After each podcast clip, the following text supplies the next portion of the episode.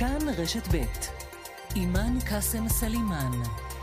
כאן רשת ב'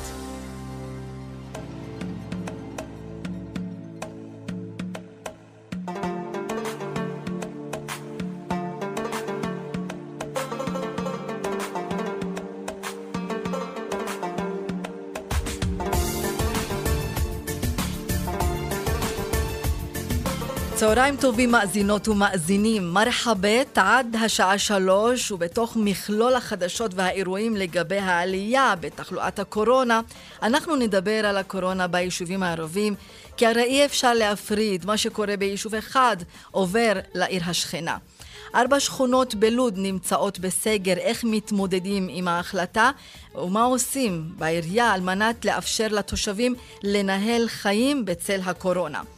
בשעה זו מתקיימת הפגנה מול בית משפט השלום בחיפה בזמן דיון בעניין הריסת בתים בכפר נחף. שר השיכון החדש, יעקב ליצמן, מוציא תוכנית שאמורה לעזור לתושבי הפריפריה. האם היא תפתור את מצוקת הדיור גם ביישובים הערבים? על כך נשוחח היום. הסיפוח היה אחת הכותרות של השבוע, האם הוא מעניין את הציבור הערבי בישראל? ובסוף התוכנית נפרדנו השבוע מאחד מגדולי הסופרים, פרופסור פארוק מואסי, שהשאיר לנו נכס של עשרות ספרים ומאות פרסומים, נשמע עליו ועל תרומתו לשפה הערבית כאן ובעולם. מרחבאית עורכת שושנה פורמן, מפיקה איילת דוידי, על הביצוע הטכני אריאל מור, ואני אלווה אתכם היום, אימאן קאסם סלימאן. أهلا بيكم.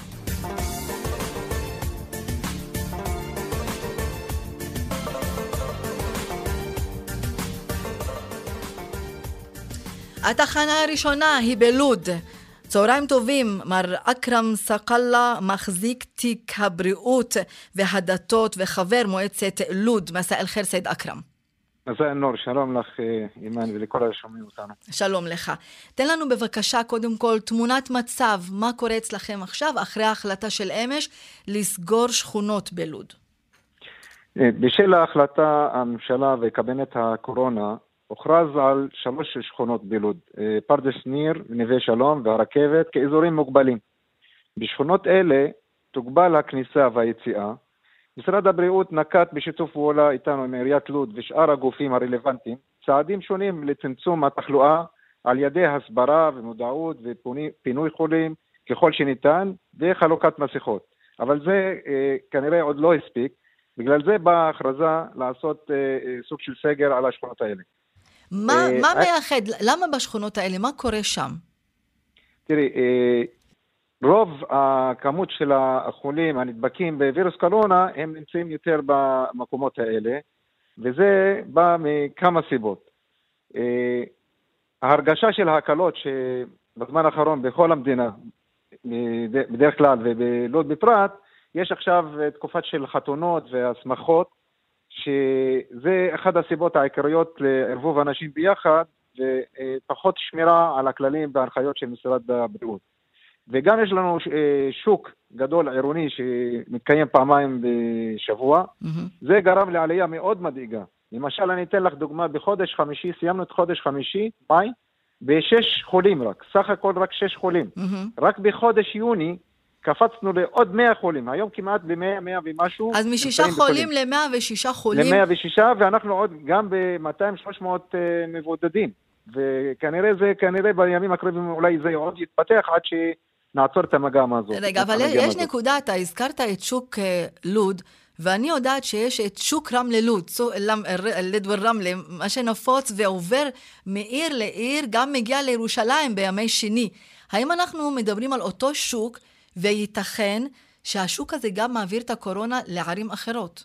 בגלל, זה, את צודקת מאה אחוז, כי השוק הזה העירוני, הוא לא, המוכרים פה הם לא רק מלוד, הם באים מכל מיני מקומות, וגם באים בחוץ לעיר לוד להיכנס לשווקים פה ולעשות קניות.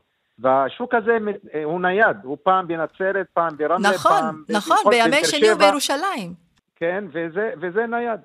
אבל זה לא, את האמת, זה לא הסיבה העיקרית אה, לעלייה בתחלואה, ובכל זאת, ההחלטה על ההגבלה הייתה בסוף אה, בשביל לצמצם את, ה, את העלייה הדרסטית שקרתה בחודש האחרון. קיבלנו את ההחלטה, את ההחלטה לסגר מהקבינט אה, הערב בשעות המאוחרות, mm-hmm. ומתחילים לקבל פירוט ההגבלות רק היום בבוקר, ואנחנו מתחילים להתארגן בהתאם.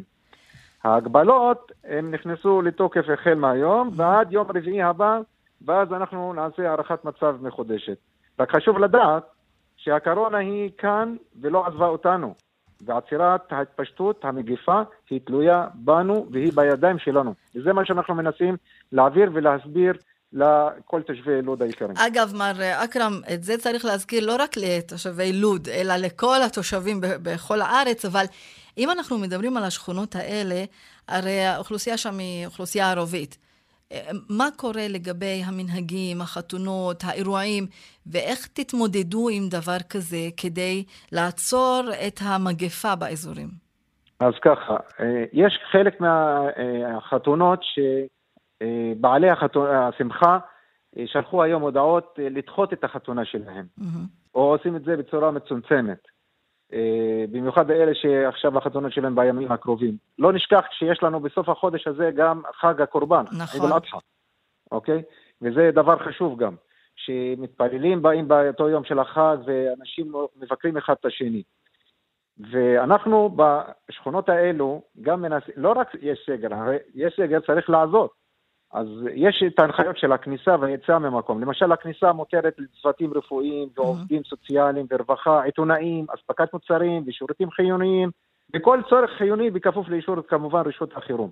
לגבי היציאה משם, קבלת טיפול הרפואי למשל מותר, התייצבות להליך משפטי, צורך, אה, אה, צורך אה, להליכה לקרובי משפחה, הלוויה, סליחה, mm-hmm. של קרובי משפחה, יציאה למקום העבודה, הצטיידות במזון ותרופות, ואנחנו נותנים להם את האפשרות גם לצאת מחוץ לבתים כמאה מטר וגם לעשות את הקניות בתוך השכונות, כי יש חנויות בשכונות, ובכל זאת הרווחה והעירייה והפיקוד העורף הם עוזרים לתושבים כמה שאפשר. לגבי הנקודות שאמרת, אפשר לאכוף את זה?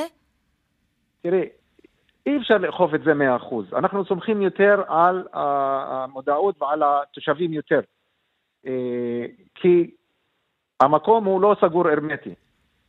אה, דבר שני, אנחנו מנסים כמה שיותר לתת להם את הצרכים שלהם, אה, שיקבלו את הצרכים שלהם, בלי שיהיו אה, צריכים לצאת מחוץ לשכונה. גם דבר חשוב מאוד, אימן, כן. שאנחנו מנסים עכשיו בימים, היום כבר, אבל מנסים כנראה ביומיים הקרובים, אולי בהתחלת השבוע הבא, נשים נקודת בדיקה של קורונה בתוך השכונה הזאת הסגורה, כך שלא יסתר, שנעשה כמה שיותר בדיקות לאנשים גם שנכנסו לבידוד, וגם במקביל, אנחנו אה, הולכים להקים אה, תחנת אה, drive היבדק וסע ליד האצטדיון העירוני, בעזרת השם, שבוע הבא. אתה גם אחראי תיק הבריאות והדתות. לגבי הדתות, מאוד חשוב לי לשמוע ממך מהו תפקידו של אנשי הדת, במיוחד שאנחנו מדברים על מסגדים וכנסיות ששם יש התקהלות, ותמיד שם זה מקום שיכולה הקורונה להתפרץ ולעבור ממתפלל למתפלל. אז זהו, אז יש מסגדים, יש כנסייה ויש בתי כנסת גם. נכון. אה, ברוך השם, אנחנו אה, במסגדים, השייחים, אה, בדרשות, מקפידים על ה, לשמור על הנחיות, ותמיד מדברים על זה, לשמור מבחינה דתית. אנחנו גם מחויבים מבחינה דתית לשמור על הבריאות שלנו ושל אחרים, לפני שההנחיות האלה באים אה, בתור אה, מהממשלה. כי אנחנו מבחינה מוסרית ודתית מחויבים בזה. אה, במסגדים, בתקופה שהיה סגר לפני חודשיים-שלושה, היו סגורים, היו, הלכו לפי ההנחיות, אבל כשיש את ההקלות ויצאו הנחיות חדשות, אז אה, חזרו המתפללים למסגדים, אבל כמובן בשמירה על הכללים. האם יש שיתוף פעולה בין רבנים, שייחים וכמרים. לא, בקטע הזה של שיתוף פעולה לגבי הקורונה, אה, אני לא רואה שיש צורך. מכל מגזר, כל חברה, mm-hmm. השייחים או הרב, הרב או הכומר, הוא פונה למגזר הם שלו. מתואמים, הם מתואמים שכולם פונים, כל אחד למקום התפילה של הקהילה שלו ומזהירים את האנשים. זה לא כל כך מתואם, אבל זה אוטומטי, זה נשמע, mm-hmm. זה ברגע שכל אה, כל, אה, איש דת פונה למגזר שלו, אז זה אוטומטי, כאילו זה נראה מתואם, אבל זה בסופו אותו כללים, אותו, אותו, אותו עצות. מר אכרם סקאללה, ידוע שגם בלוד יש מצוקה כלכלית. הקורונה באה והוסיפה למצוקה הכלכלית בכלל אה, עוד יותר קשיים. מה אתם עושים על מנת לעזור לתושבים? אה, אני בטוחה שיש הרבה שאיבדו את העסקים שלהם, ההכנסות ירדו, אולי גם יש כאלה שהצטרפו למעגל האבטלה. ספר לנו על זה בבקשה. כן, אנחנו, כמו שאת אמרת בהתחלה, העיר לוד, כמו, ש... כמו שכל המדינה, קרה בה האבטלה והעניין של העסקים והמצב הכלכלי הנמוך. אנחנו גם נערכנו במערך של התנדבות גדול, גם בחברה הערבית, גם בחברה היהודית, לעזור לאנשים, במיוחד לקשישים. אה, ואנחנו שמנו מערך של, אה, של חבילות סיוע, גם מבחינת אה, הארנונה וגם לדחות את התשלומי של ארנונה, וכל אחד שיש לו בעיה יכול לפנות למוסדות הרשמיים כפי שנמצאת בעיריית לוד, ולנסות כמה שיותר לעזור. וכמובן, ההחלטות של הממשלה בסיוע דרך ביטוח לאומי והדברים אחרים. Okay, אוקיי, אני רוצה לשמוע ממך פנייה לתושבים, אה, עד כמה הם ממושמעים, אבל בעיקר לצעירים. כי מה, מה שאנחנו רואים, בקרב הצעירים, הם יוצאים, מבלים, אה, גם הגוף שלהם אה, יכול לעמוד בפני המגפה, הם מעבירים את זה לאחרים, אבל הם בסדר, מרגישים שהם בסדר. מה היית רוצה לומר לצעירים, גם בלוד ובכלל, בכלל. כדי שישמרו אני... על עצמם וישמרו עלינו בסופו של דבר? אני אגיד לך משהו, אולי, אולי, אולי יישמע מוזר. אני לא מפחד מכמות הנדבקים שעולה. מה שמפחיד אותי בעליית המספר, שכל עוד שהמספר עולה, הסיכוי והסיכון להגיע הקורונה לאנשים, להורים שלנו, לאנשים מבוגרים ב- ב- שהם בס- נמצאים בסיכון, וגם לצעירים שיש להם אה, מחלות מסוימות. אנחנו שילמנו מחיר כבד בלוד, והיה לנו שלושה נפטרים פה בלוד, אחת מהם צעירה בת 49, בגלל שהיה לה סכרת, mm-hmm. אוקיי? אז אני אומר, כשיש יותר מספר של אה, אנשים שנדבקו, אז הסיכון מתגבר שיגיע לזקנים ולאנשים שאין להם, הגוף שלהם לא יכול לקב... אה, להתמודד מול הווירוס הזה, ואז לצערנו נקבל יותר נפטרים בעיר, וזה מה שאני לא רוצה וכולנו רוצים להגיע אליו. לכן, אני פונה לתושבי לוד היקרים להקפיד על כללי משרד הבריאות ולאחל לכולם בריאות ולשמור את השני מטר, את המסכות, אה, את ה... כמה שיותר אה, עכשיו לחזור, mm-hmm. לא לבקר את ההורים, כמה שיותר פחות המבוגרים, לשמור מרחק, בלי חיבוקים, לשמור במיוחד, במיוחד בחתונות ובאירועי שמחה, כי זה מוקד הבסיסי להתפשטות הנגיף. מר אכרם סקאללה, חבר מועצת לוד ומחזיק תיק הבריאות והדתות, תודה רבה לך. אנחנו מאחלים לכם שתעברו את התקופה הקשה הזאת. עד מתי זה נמשך, הסגר הזה? עד יום רביעי הבא, ואז יהיה הערכת מצב חודשת. אז תשמרו על עצמכם, ורק בריאות, בסלאמה. תודה רבה, אימן. סלמת. תודה, סלמת. אנחנו נשארים בעניין הקורונה. דוקטור ניהיה דאוד, מומחית לבריאות הציבור באוניברסיטת בן גוריון, וחברה בוועדה העליונה לבריאות החברה הערבית. מסע אל-חיר, דוקטורה ניהיה. מסע אל-נור, אהלן פיקי אוכתי אימן. למה זה קורה בחברה הערבית? מה הסיבות? האמת, אה, זה באמת, אה, אני חושבת שזה מורכב, המצב אה, של החברה הערבית. אנחנו יודעים שבאמת הקורונה עכשיו נמצאת לא רק בחברה הערבית, אבל יש באמת כמה מוקדים בחברה הערבית, וזה לא מה שאנחנו חווינו בעצם בגל הראשון, ששם באמת השיעור של ההדבקה היה יותר נמוך בחברה הערבית. וכאן באמת יכולות להיות כמה סיבות, אני חושבת, להתפרצות הנוכחית ביישובים הערבים, אה, שחלקה, אני חושבת, קשור גם למצב הכלכלי. של החברה הערבית, שבעצם אנחנו בעצם היינו בסגר אה, במשך חודשיים וחצי, אנשים פחות עבדו, פחות השתכרו, ויש רצון גדול לצאת עוד פעם אה, ולחזור לעבודה, זה באמת מה שגם אז, קרה אז עכשיו, בחברה עכשיו, היהודית. עכשיו הם פחות ממושמעים? זו הסיבה? זהו, אז זהו, זה משהו שבאמת אה, חשוב, כי באמת אני חושבת, זה קשור גם להתרופפות בקשר להנחיות הכללי שקרה בחברה הישראלית בכלל. אה, ובאמת, אני חושבת שהחזרה לעבודה ולחיים עם הקורונה היו באמת מהירים מדי, לא בצעדים, אני חושבת, מדודים, mm-hmm. ולכן אנחנו ראינו, לא רק בחברה הערבית, בכלל החברה הישראלית, כמו שאמרתי, התרופפות של ההנחיות, וזה הגיע גם לחברה הערבית. זה נקודה אחת. כן. הנקודה השנייה שאני חושבת שהיא מאוד חשובה, זה באמת מידת האמון בהנחיות וכמה באמת החברה הערבית באמת אה, מאמינה לכל מה שבעצם הם מקבלים מבחינת ההנחיות של משרד הבריאות וכל זה. ואני חושבת שכאן אה, יש מקום ל... לשפר את המצב. אבל, כן, אבל, אבל יש פה כן. גם נקודה, דוקטור נהה דהוד. כן, האם הקורונה חשפה mm-hmm. את הנושא של תשתיות, את הנושא כן, של המודעות נכון. לבריאות הציבור, כן, המצב כן. הבריאותי של החברה הערבית בכלל, סכרת, כן. מש... עודף כן. משקל. האם הקורונה באה ובעצם היא חשפה את הליקויים האלה, וזה מה שמקשה על הטיפול כן. ועל כן. על איך ב, ב, באמת משתלטים על הקורונה ביישובים הערביים? את צודקת. בעצם הקורונה עשתה פה אה, עבודה מאוד מאוד חשובה בשני מישורים. האחד, ואני באמת חוקרת בתחום של אי שוויון בבריאות, והנקודות שאת העלית מאוד מאוד נכונים.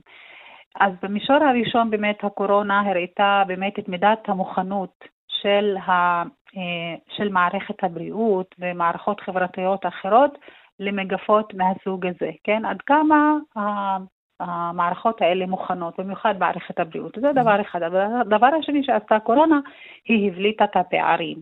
הפערים בבריאות, הפערים בחינוך ופערים אחרים בתעסוקה ובחוסן הכלכלי שיש לחברה הערבית לעומת החברה היהודית וגם החוסן הבריאותי. ואנחנו יודעים באמת, ומזה חששנו מתחילת הגל הראשון אפילו, שהחברה הערבית תהיה פחות עמידה בפני המחלה, ושבאמת יהיה כאן התפרצות מאוד גדולה בתוך החברה הערבית, בגלל הדברים שאת אמרת. אז מה אפשר, אז מה אפשר... יש שיעורים לה... גבוהים של תחלואה כרונית, יש שיעורים גבוהים של אה, מצב כלכלי נמוך, יש פערים אז, אז בתשתיות. מה, מה אפשר לעשות? כן. כי תשתיות, אי אפשר לפתור את התשתיות תוך שבוע. אה, אי אפשר לגרום כן. לחברה להיות במצב בריאותי בכללי אה, טוב כן. תוך שבוע. מה אפשר לעשות? קודם כל, אז, לטווח הקצר, כי כן. הקורונה כאן, אבל נכון. גם לטווח הארוך. כן.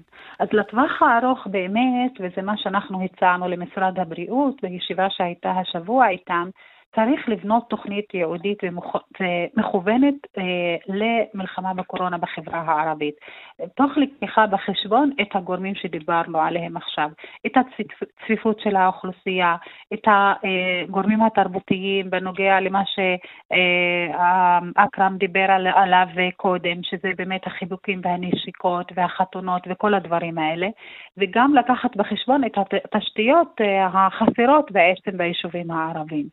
אה, תראי, חלק מהמקומות, לדוגמה, בקרב נשים בדואיות אה, בדרום, אה, שבאמת בחלק שגרות ביישובים הבלתי מוכרים, אין מספיק מים זורמים שהם יוכלו לשטוף ידיים אפילו. אז אומרים להם, תשטפו ידיים כשאין מים לשטוף ידיים בעצם. בדיוק, זהו. לכן אני חושבת, זה בעצם לטווח הארוך, שצריך לבנות את התוכנית הזאת וצריך להתחיל ליישם אותה, היא צריכה להיות מגובה.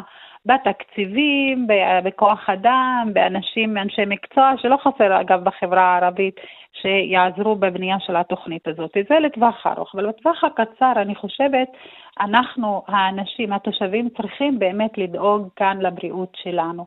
אנחנו צריכים באמת לשים יותר את המסכות, לנקוט באמת פה משנה זהירות, כי אנחנו יודעים שאנחנו בעצם, האפשרות שלנו להגן על הבריאות שלנו היא לא אה, באמת אה, אותו הדבר כמו באוכלוסייה שיש שם את התשתיות ואת המשאבים וכל מה שבעצם צריך. ולכן נדרשת פה בעצם אה, יותר משמעת. אנחנו צריכים להיות יותר ממושמעים כאנשים, אנחנו צריכים להיות ממושמעים יותר כקבוצות אה, של אנשים, במשפחה, חברים.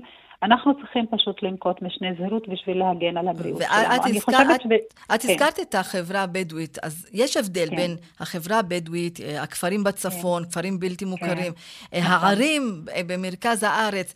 אז האם צריך לפנות לכל חברה בנפרד, לבנות מערך הסברה נפרד לכל קבוצה לפי המצב והתשתיות שהיא נמצאת בו? נכון, כי באמת החברה הערבית היא לא מקשה אחת, כן? היא לא, לא אותו דבר מבחינת המאפיינים שלה, ובאמת מה שאת אמרת הוא מאוד נכון. היישובים באמת הבלתי מוכרים בדרום, שאין שם תשתיות בסיסיות, זה מאוד בעייתי. במקומות אחרים, באמת בערים ובכפרים הערבים בצפון, צריך לפנות באופן אחר לאנשים. ואני חושבת שבאמת, אה, אם נסתכל על הקמפיין התקשורתי בעצם שהיה נגד הקורונה ב... למלחמה בקורונה ביישובים הערביים, אז אני חושבת שהוא צריך להתאמץ יותר. הקמפיין שיהיה, כן, או הקמפיין, לעומת הקמפיין הקודם, צריך להשקיע פה יותר מאמץ בהתאמת המסרים לאנשים, ב- לדבר עם האנשים בגובה העיניים, אפילו, את יודעת, ברמה של החזותית של הקמפיין, איך הוא צריך להיראות, כי אנחנו ראינו כל מיני פליירים וזה שלא מדברים עם האוכלוסייה אני, הערבית בארץ. אני ראיתי מה, היו... מה כתבו על זה, אבל יש עוד נקודה, אולי כן. אפשר לומר שהיא נקודה, כן. מקור לגאווה. הצוותים הרפואיים, אה, כן. וכשאני אומרת צוותים, אז אני גם מתכוונת לרוקחים, לרופאים, לאחים כן. ואחיות.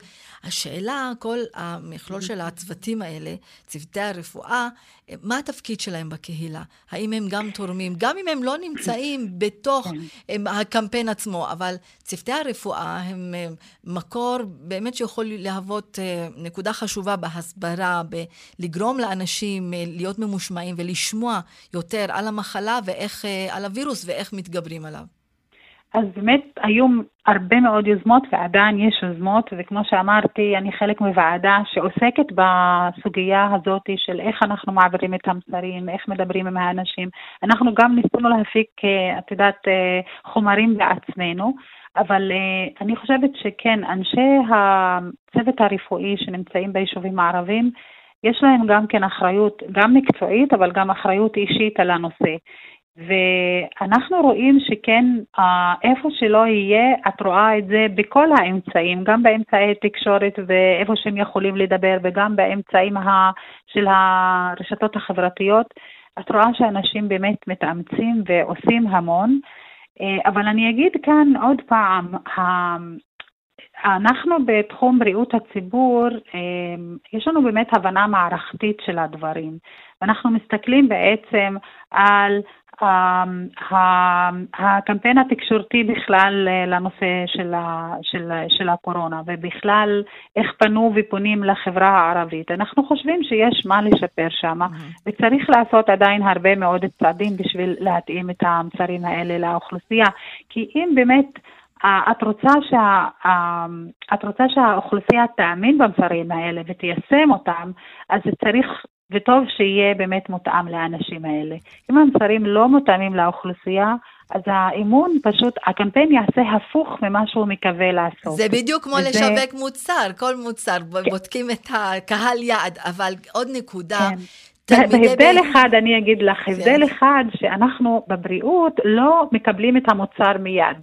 המוצר מגיע מאוחר, נכון. ולכן השיווק החברתי ושיווק בתחום הבריאות הוא יותר קשה ומסובך מאשר שיווק של נכון. מוצרים, את יודעת, שאת קונה את זה מיידית, כן, ואת רואה את היתרונות שלו, את החסרונות שלו מיד. נכון. ולכן זה יותר קשה. ועוד כן. נקודה, הילדים כן. בחופש, למרות שיש כן. את uh, בתי הספר של החופש הגדול, אבל בכללי, רוב התלמידים עכשיו נמצאים מחוץ למסגרת הלימודים.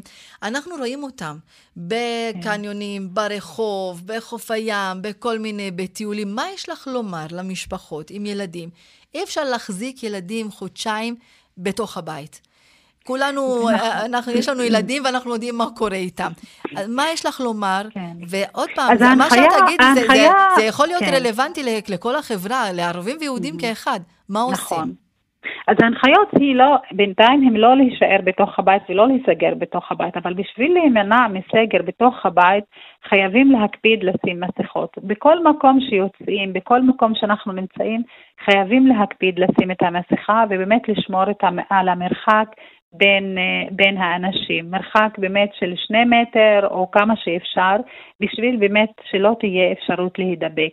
כי אנחנו יודעים היום שיש שיעור גבוה של אנשים שנדבקים, במיוחד אנשים צעירים, שלא מראים סימנים. ואז יש מצב שהם ידביקו אנשים שהם מבחינת גופנית הם חלשים יותר, בגלל אולי שיש להם מחלה כרונית כלשהי, או שבאמת הם בגיל שהוא באמת, אה, גילם לא צעיר מספיק, וזה, שם באמת ההדבקה בקורונה יכולה אה, להשפיע. לכן אני חושבת שיש פה אה, חשיבות מאוד גדולה לחשיבה על הזולת, חשיבה על האחר, צריך באמת פה לחנך את הילדים עליה. זה לא רק, אני, לא רק, אני שמה את המסכה לא רק בשביל הבריאות שלי בלבד, אלא גם כן בשביל הבריאות של המשפחה שלי, של סבא וסבתא ושל אנשים אחרים שהם חולים בסביבה שלנו. כן. לכן יש פה באמת אה, חינוך שצריך להקנות אותו אה, לילדים מאוד חשוב, ומה זה יעשה? זה יביא תועלת מאוד אה, גדולה, לא רק לאנשים האלה, אלא גם לי, כי בסופו של דבר הקורונה גם יכולה לפגוע בנו, בכולנו, בסופו של דבר, ויכולה באמת לגרום פה למחיר גם נכון. כלכלי מאוד מאוד קשה. כי כן, אם לא רוצים לחשוב על המחיר הבריאותי, אז תחשבו על המחיר הכלכלי, כי שוב אנחנו נצטרך לשבת כנראה בסגר, אם לא בלי פרנסה ובלי עבודה. דוקטור נכון, ניהיה דאוד, כן. מומחית לבריאות הציבור באוניברסיטת בן גוריון, וחברה בוועדה העליונה לבריאות, לבריאות בחברה הערבית. אני מאוד מודה לך, דוקטור ניהיה דאוד. תודה רבה, אימאן. ונקווה ונאחל בריאות לכולם. תודה רבה לך. אמן, אמן. תודה, תודה לך. שלום. עפון, עפון, שלום. סלמת.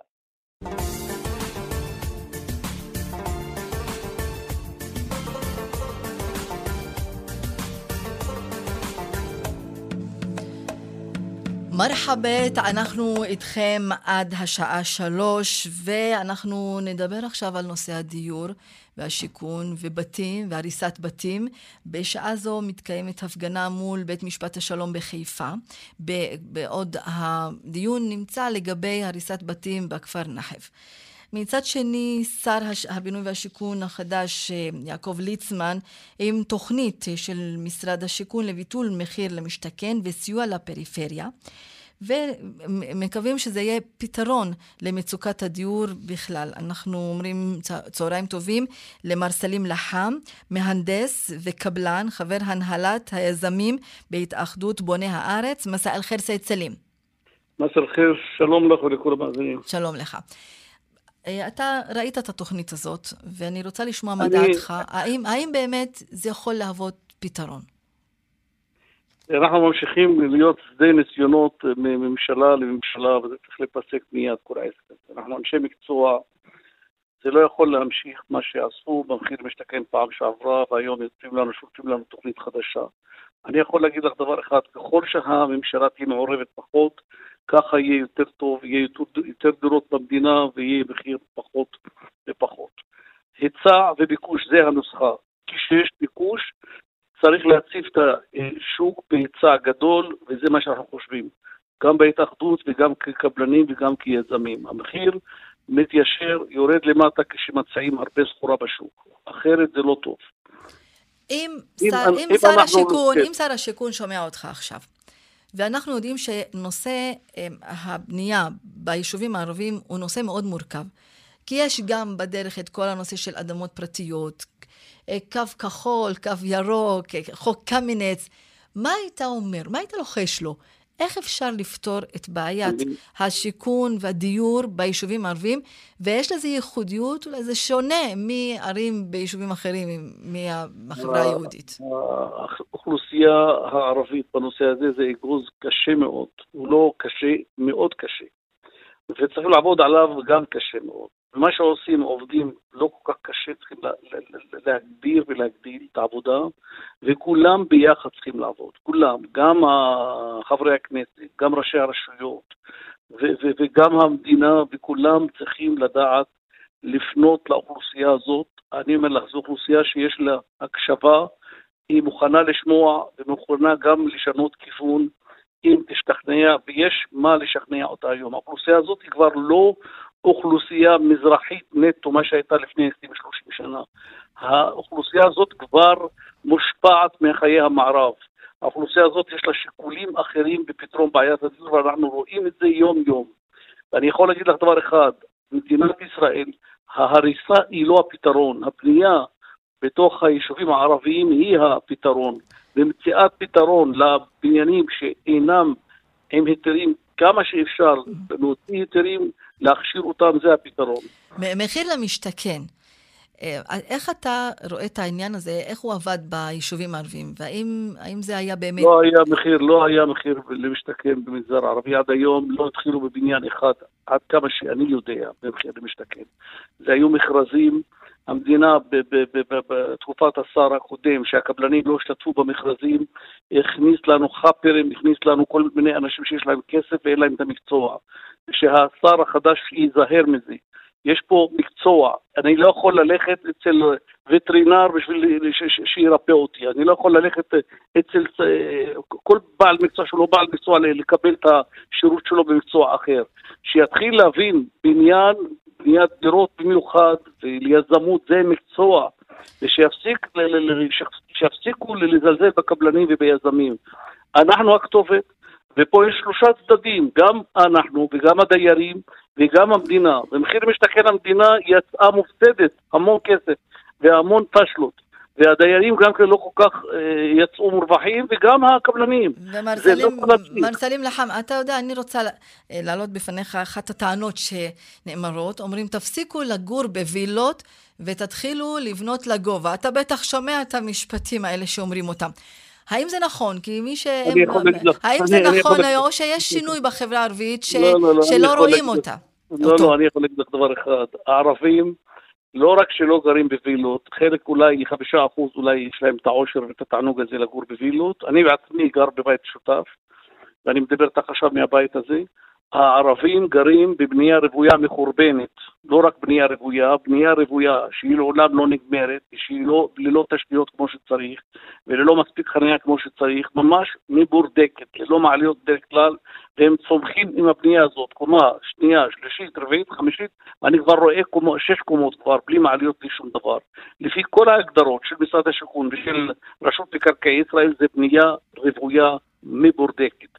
הכוונה לעבור לבנייה רוויה זה בנייה, בניית חברות, יזומה, אה, עם כל התשתיות, עם כל מה שדרוש מבחינה תכנונית, זו הכוונה שמדברים על בנייה רוויה, אבל אין המצב שכאילו הערבים אה, גרים בווילות וזה. להפך, במגזר היהודי יש יישובים שלמים בצפון ובכל המדינה שהם עם בית פרטי אחד ואפילו אין קומה שנייה מעליו. בואו נגיד את זה בצורה ברורה ביותר. אז כל הדיבורים האלה, אין להם שום בסיס. אז מה, עוד, ו... עוד, עוד נקודה, מה, מה הפתרון? אנחנו רואים ש... הפתרון... כל, כל הנושא, למשל ההפגנה היום לגבי הריסת הבתים בנחף, אז אנחנו נמצאים באותו מעגל של בונים בלי רישיון, ואז יש צו הריסה, ואז אה, יש עימותים, הורסים, בונים שוב, ואנחנו נמצאים כל הזמן באותו מעגל. מה הפתרון, מר סלים לחם? אימאן, אני אומר לך מה הפתרון. קודם כל, בנחף, שכל בן אדם, לכל יישוב ערבי, שהוא לא יכול לבנות עם היתר, שלא יבנה, שלא ישלה את עצמו, אף חבר כנסת, אף מנהיג לא יכול למנוע את ההריסה של הבית שלו בהמשך. אני ממליץ לו, או שאתה בונה עם היתר, או שתחצה את הכביש שם ליישוב שנמצא לידך, קוראים לו כרמיאל, ותקנה דירה שם. בינתיים, עד שיהיה לך קרקע, עד שיהיה לך אפשרות לבנות עם היתר. תפסיקו לבנות בלי היתר. אתם יכולים לעבור מיישוב ליישוב, ואני אומר את זה בפומבי, וזה חוקי לגמרי, וזה גם uh, הדבר הנכון לעשות אותו, ושהמדינה תתעשת, ואם המנהיגות שלנו גם תתעשת, שימציאו את הפתרון, אם זה בקרקעות מתוכננות, אם זה, ואם זה בפרויקטים. מר סלים? אנחנו מנסים uh, לשמוע את מר סלים לחם, אולי להשלים את, ה, את המשפט שהוא התחיל, אבל הנושא בעצם ברור, ואנחנו הבנו את הנקודות שהוא העלה כאן. אנחנו אה, כמובן נמשיך לעקוב אחרי התוכנית של שר הבינוי והשיכון יעקב ליצמן ואיך זה ישפיע על הפריפריה, איך זה ישפיע גם על היישובים הערביים, אולי זה יעזור גם לזוגות אה, צעירים. אה, נקווה באמת שכל העניין הזה של בינוי ושיכון, יהיה לו פתרון בסופו של דבר, ושלא נישאר באותו מעגל של בנייה לא חוקית, ואז צו הריסה, ואז הריסה, ואז העימותים. זה מעגל שהוא לא בריא לאף אחד. האם אתה שוב איתי, מר סלים לחם?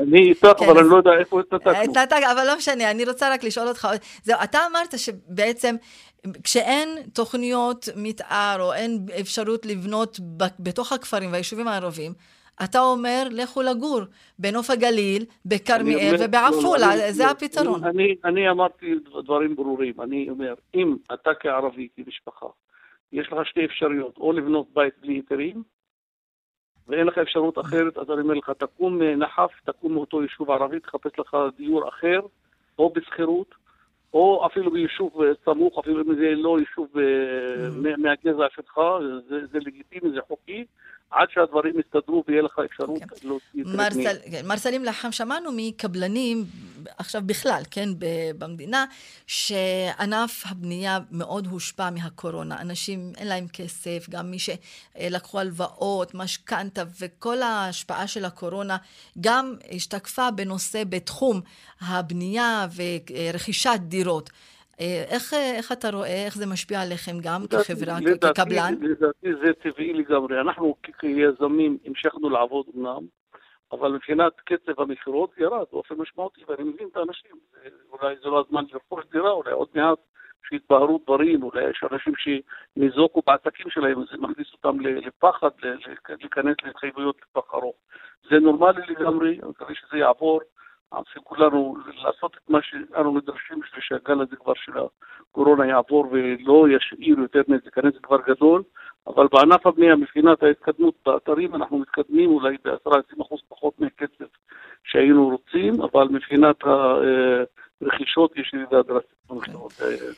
בוא נוסיף עוד נקודה, שלקראת כינוס אה, קבינט הקורונה, משרד הבריאות דורש אה, להגביל את מספר המשתתפים בחתונות עד 50 איש. אני לא יודעת עד כמה זה יעבוד בחברה הערבית, אז אולי זה עוד גורם לדחות את החתונות, דוחים את החתונה, אז דוחים את הרכישה, וזה הכל אה, שרשרת אחת, שדבר תלוי בשני.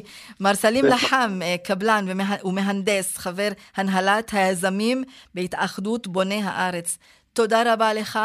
שנעבור את הגל הזה ושנעבור את כל הקושי הזה. שוכרן, שוכרן ג'זילה, נהיית אסבוע מופקה. תודה רבה. יאללה, תחייתי.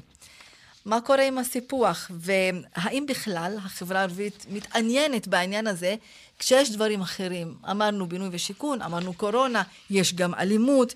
ג'לאל בנה, עיתונאי, מסע אל-חיר ג'לאל. שלום שלום אימאן, נעים מסען. נעים מסען. אה, כתבת על הקמפיין לגבי אה, חוק הסיפוח, אה, קראתי את המאמר שלך בישראל היום.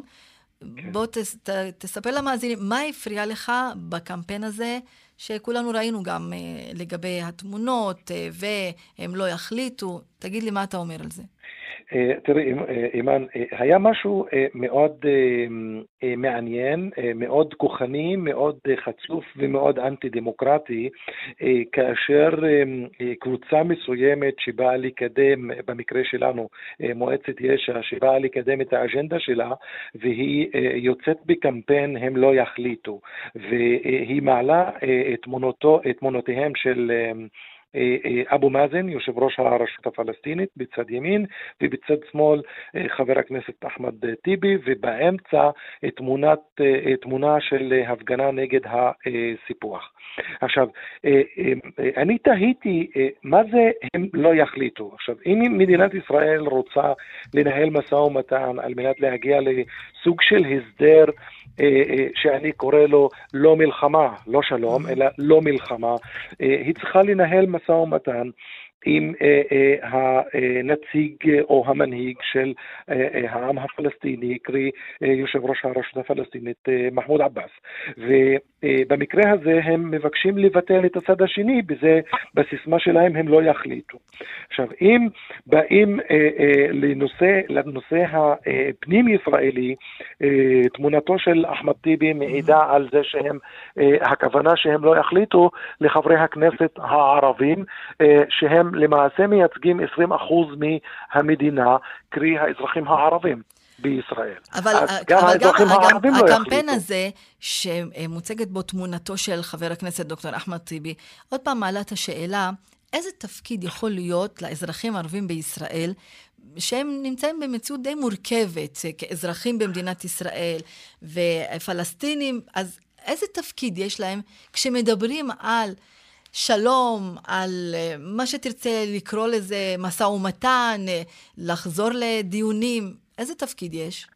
או יכול להיות? את, את יודעת, האזרחים הערבים, במיוחד בתקופת אוסלו, נאמר שהם יהיו הגשר לשלום, שזו הסיסמה הכי משפילה שיכולה להיות, כי על גשר דורכים.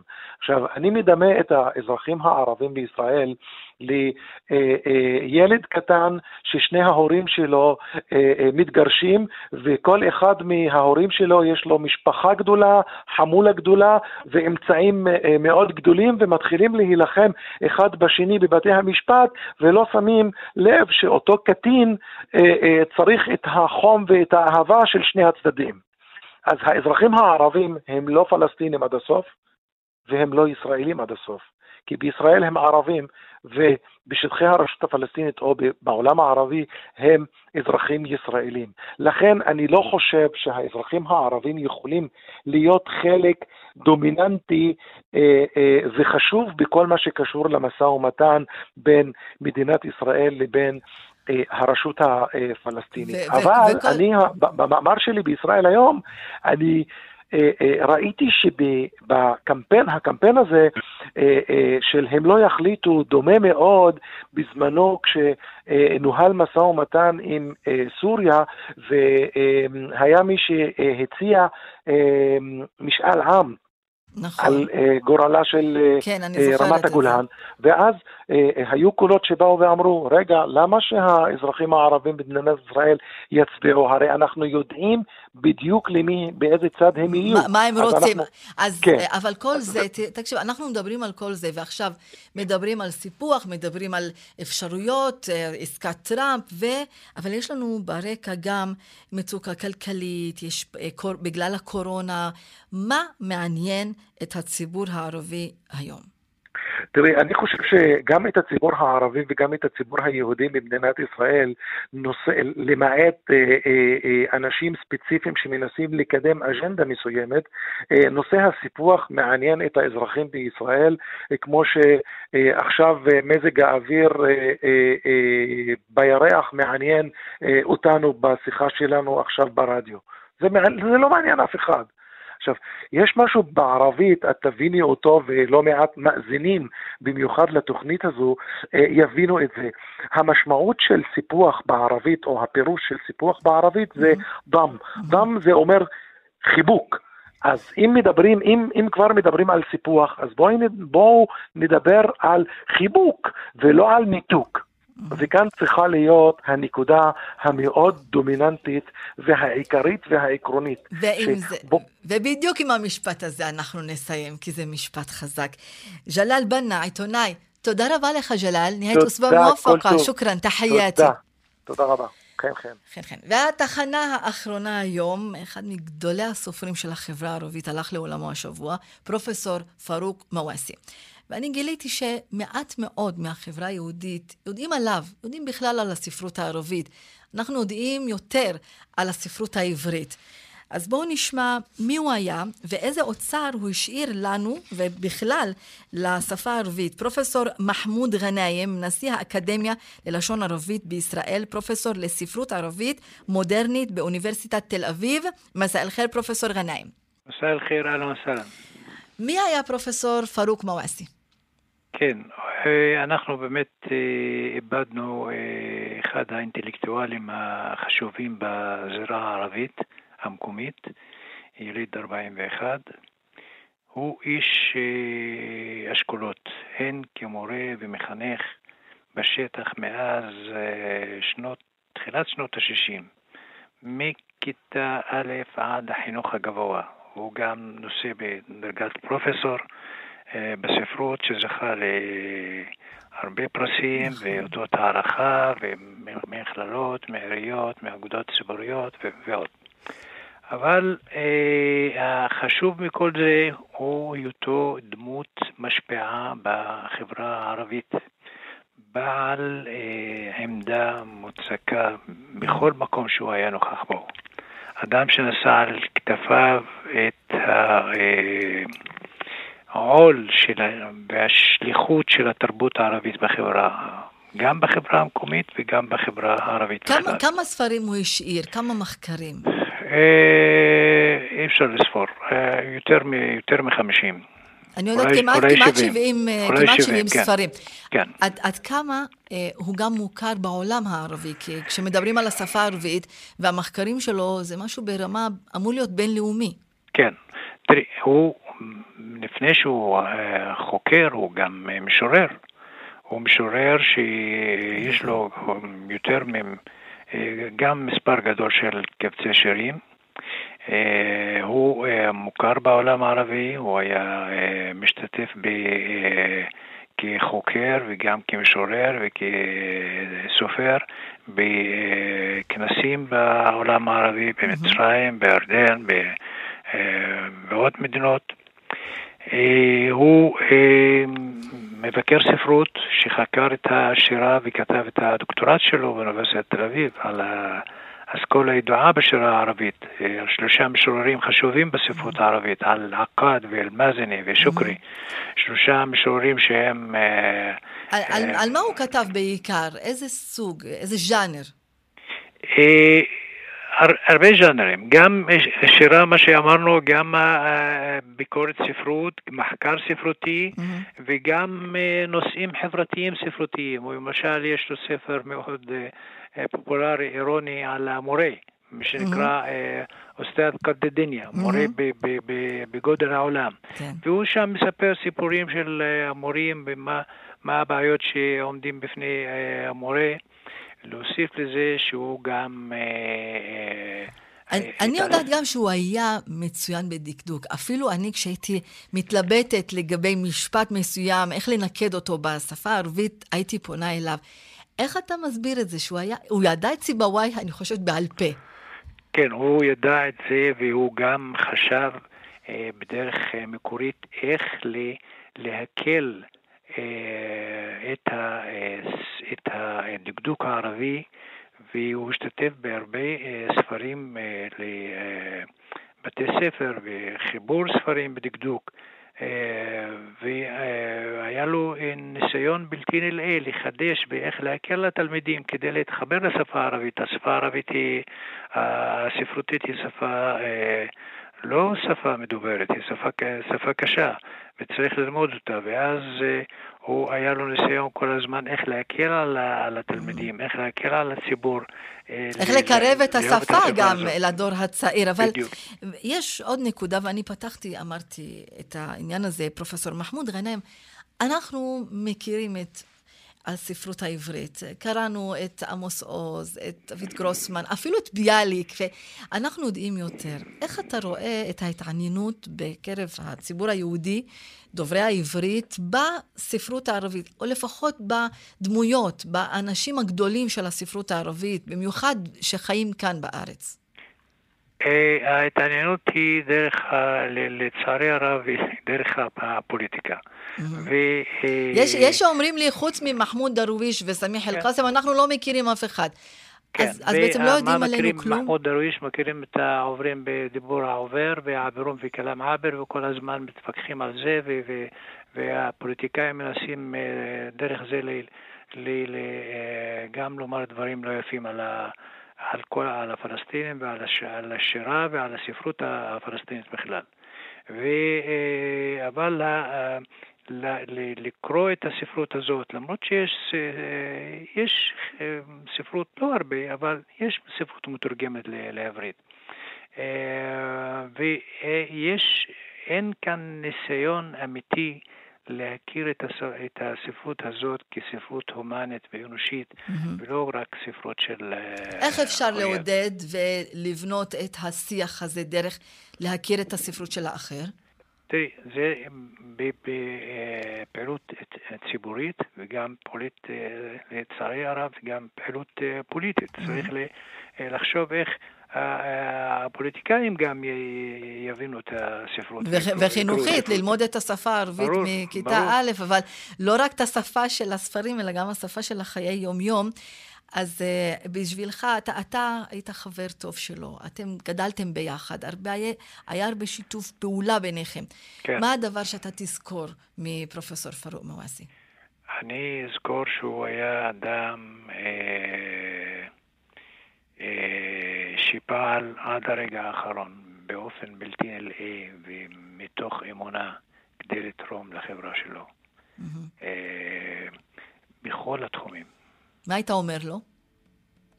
אה, אתה יכול אה, לישון בשקט ואנחנו נמשיך את הדרך שלך. הוא גם היה חייכן, היה לו חיוך שכולנו אה, נזכרים בו כל הזמן. פרופסור נכון. מחמוד גנאים, נשיא האקדמיה ללשון ערבית בישראל, פרופסור לספרות ערבית מודרנית באוניברסיטת תל אביב. תודה רבה לך. שוכרן ג'זילן, פרופסור מחמוד גנאים. שוכרן לכי. תחייתי. עד כאן מרחבת להיום. שמרו על עצמכם, ביחד נעבור את גל הקורונה. את מרחבת ערכה שושנה פורמן, הפיקה איילת דוידי, על הביצוע הטכני היה איתנו אריאל מור. אני ליוויתי אתכם, אימאן קאסם סלימאן. סוף שבוע נעים, שבת שלום, ואלא לקאא.